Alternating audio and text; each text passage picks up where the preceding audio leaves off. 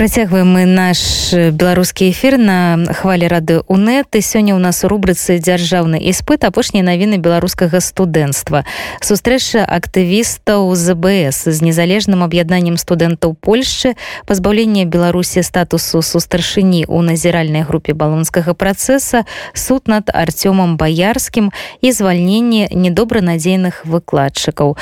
Пра ўсё гэта слухайце у нашым эфіры і пра гэта раскажа Ганна камладж матч.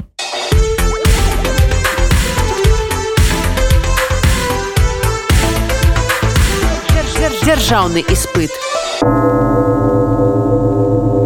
5 снежня актывісты і актывісткі з адзіночання беларускіх студэнтаў выступалі на ўсеагульным з'ездзе польскага незалежнага з адзіночання студэнтаў у познані з дакладам аб стане беларускага студэнцтва у поствыбарчы перыяд Прадстаўнікі і прадстаўніцы ЗБС распавядалі пра віды студэнцкага пратэсту, рэпрэсій, чорны чацвер, усіх маладых людзей выкладчыкаў, якія сёння знаходзяцца за кратамі і дзейнасць студэнтаў у выгнанні. Асобна актывісты і актывісткі распавялі пра рэпрэсіі ва ўніверсітэтах, з якімі супрацоўнічаюць польскія ВНУ і пра тое, як можна дапамагчы ЗБС і палітвязням у Беларусі. Пасля выступу прадстаўнікоў ЗБС апладысменты доўжыліся дзве хвіліны. ЗБС цытуе аднаго з прадстаўнікоў НЗС Польшчы, які ў двадцатым стагоддзі мы бароліся не толькі за Польшчу, але і за свабоду для ўсіх краёў. І я спадзяюся, што мы будзем і далей прытрымлівацца каштоўнасцяў салідарнасці і падтрымаем нашых суседзяў на Беларусі. 8 снежня Беларусь пазбавілі статуса сустаршыні ў назіральніцкай групе балонскага працэса, якая падтрымлівае яго развіццё. Беларусь не будзе мець права сустрашыняваць у нгбп да 2024 года а можа і болей таму што ў 2023 годзе Беларусь абавязана падаць справаздачу пра імплементацыю фундаментальных правовых каштоўнасцяў еўрапейскай прасторы вышэйшай адукацыі. Калі справаздача не будзе пададзена ці будзе выяўлена што ніякіх зменаў па рэпрэсіях і парушэннях правоў акадэмічнай супольнасці не адбылося то цалкам імаверна што Беларусь не зможа быць сустаршынёй і далей без статусу сустаршыні Беларусь не зможа праводзіць мерапрыемствы ад імя епва у беларусі што азначае статус сустаршыні гэта значыць што краіна мае адміністрацыйныя правы на міністэрскіх сустрэчах і іншых афіцыйных сустрэчах. Старшынёй у нгбп на дадзены момант з'яўляецца чэхія. Сустаршыняваць чэхіі замест беларусі будзе іншая краіна што не ўваходзіць у склад еўросаюза Сёння ў мінскім гарадскім судзе быў вынесены прысуд былому студэнту хімфака БДУ Артёму баярскаму. Суддзя Алена Шылько прызнала хлопца вінаватым у стварэнні кіраўніцтве экстрэміскім фарміраваннем і прызначыла экс-студэнту пакаранню ў выглядзе 5 гадоў пазбаўлення волі ва ўмовах узмоцненага рэжыма.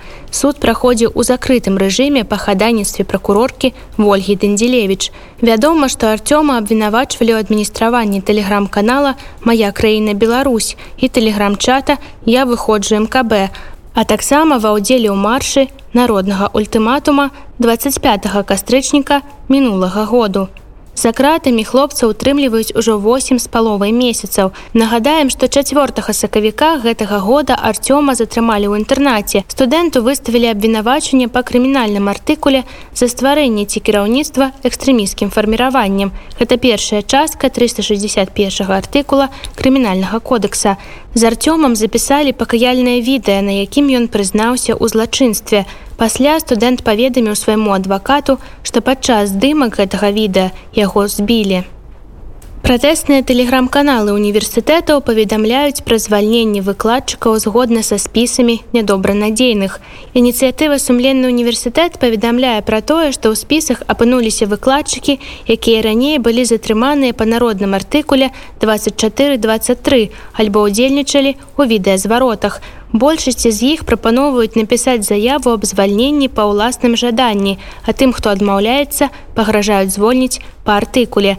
Пра спісы недобранадзейных сумленным універсітэту паведамілі прадстаўнікі БДУ, БДУір, БДМУ, БДАМ і БРДУ.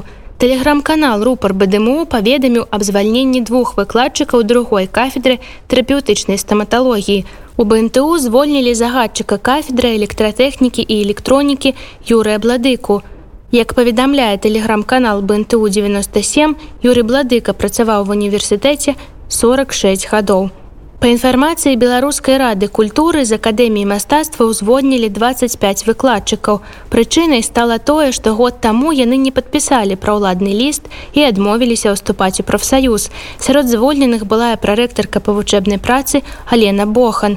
Калі восенню 2020 года з акадэміі мастацтва масава адлічалі студэнтаў, яна адмаўлялася падпісваць адпаведныя загады і разам з іншымі выкладчыкамі патрабавала ўзнавіць студэнтаў у навучанні.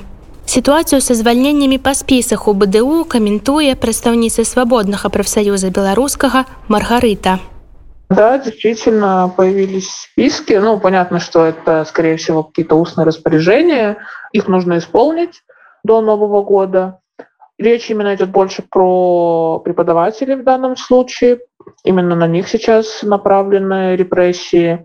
Э, да, списки есть, причем не только в, это в университетах происходит, поступает информация, что и в школах сейчас тоже, в общем, школы, колледжи тоже происходит э, какая-то ситуация, и в БГУ известно, что до 20 декабря, об этом писал и Свободный профсоюз преподавателей, э, людей просят подписать заявление по соглашению сторон. А что будет в тым выпадку, калі яны, например, адмовятся подписать эту заяву по погоднению боков? Ситуации случаются разные, и действительно, если отказываться, увольнение все равно происходит, но с многочисленными нарушениями и в более длительный срок. Это показал опыт в других э, госпредприятиях. Вообще нужно сказать, что работников принуждают уволиться к 20 декабря, а это день КГБ, по-моему. Вот что-то такое. Ці шмат э, выкладчыкаў зараз да вас звяртаецца і што вы рэкамендуеце ім рабіць? Этим занимается именно отделение преподавателей. Нам тоже писали в бот, сообщали какую-то информацию, э, но мы передавали ее профсоюзу преподавателей. Вообще скажу, что в среду, 15 декабря, э, в 17.00 Свободный профсоюз будет проводить встречу с председателем профсоюза. И как бы мы приглашаем тех, кто находится под давлением, и принуждается к увольнению. Там можно будет на встрече обсудить э, ситуацию, вступить в профсоюз и получить юридическую помощь. Профсоюз, конечно, в данном случае, если человек открыто заявляет о своем членстве в профсоюзе и открыто говорит о том, что на него давят, э, профсоюз отстаивает права этого человека. Вообще несколько рекомендаций, наверное, э, стоит общих сказать, что если просят уволиться, и вы в целом согласны уволиться, э, решили писать заявление по соглашению сторон, тяните время на самом деле. Можно взять отпуск или больничный, если есть такая возможность. И вот э, тоже советовали потребуйте на руки, чтобы вам выдали сначала хорошую характеристику, да, чтобы вы могли предоставить в другое место. И не верьте, что вот вы сначала там напишите заявление, и вам потом дадут. Можно оказаться обманутым. То есть тут может идти такое из рук в руки. Но если вы решили не увольняться, да, конечно, это ваше право, и решили Э, бороться до конца. То есть да, профсоюз будет э, отстаивать, фиксировать все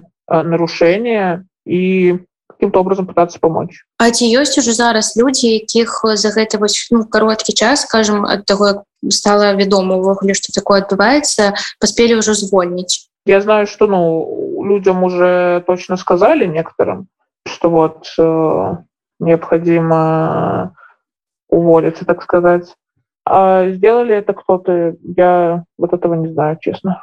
Ці ёсць у вас сувязь з іншымі універсітэтамі і магчыма вымалёўваецца некая такая агульная картина связь э, с университетами есть именно между студентами я думаю что у преподавателей э, есть какая-то информация но именно про ситуацию с увольнениями в других университетах я точно не могу сказать. Вот мы знаем точно про школу, потому что эта информация к нам приходила из различных источников. Живе Беларусь ночи.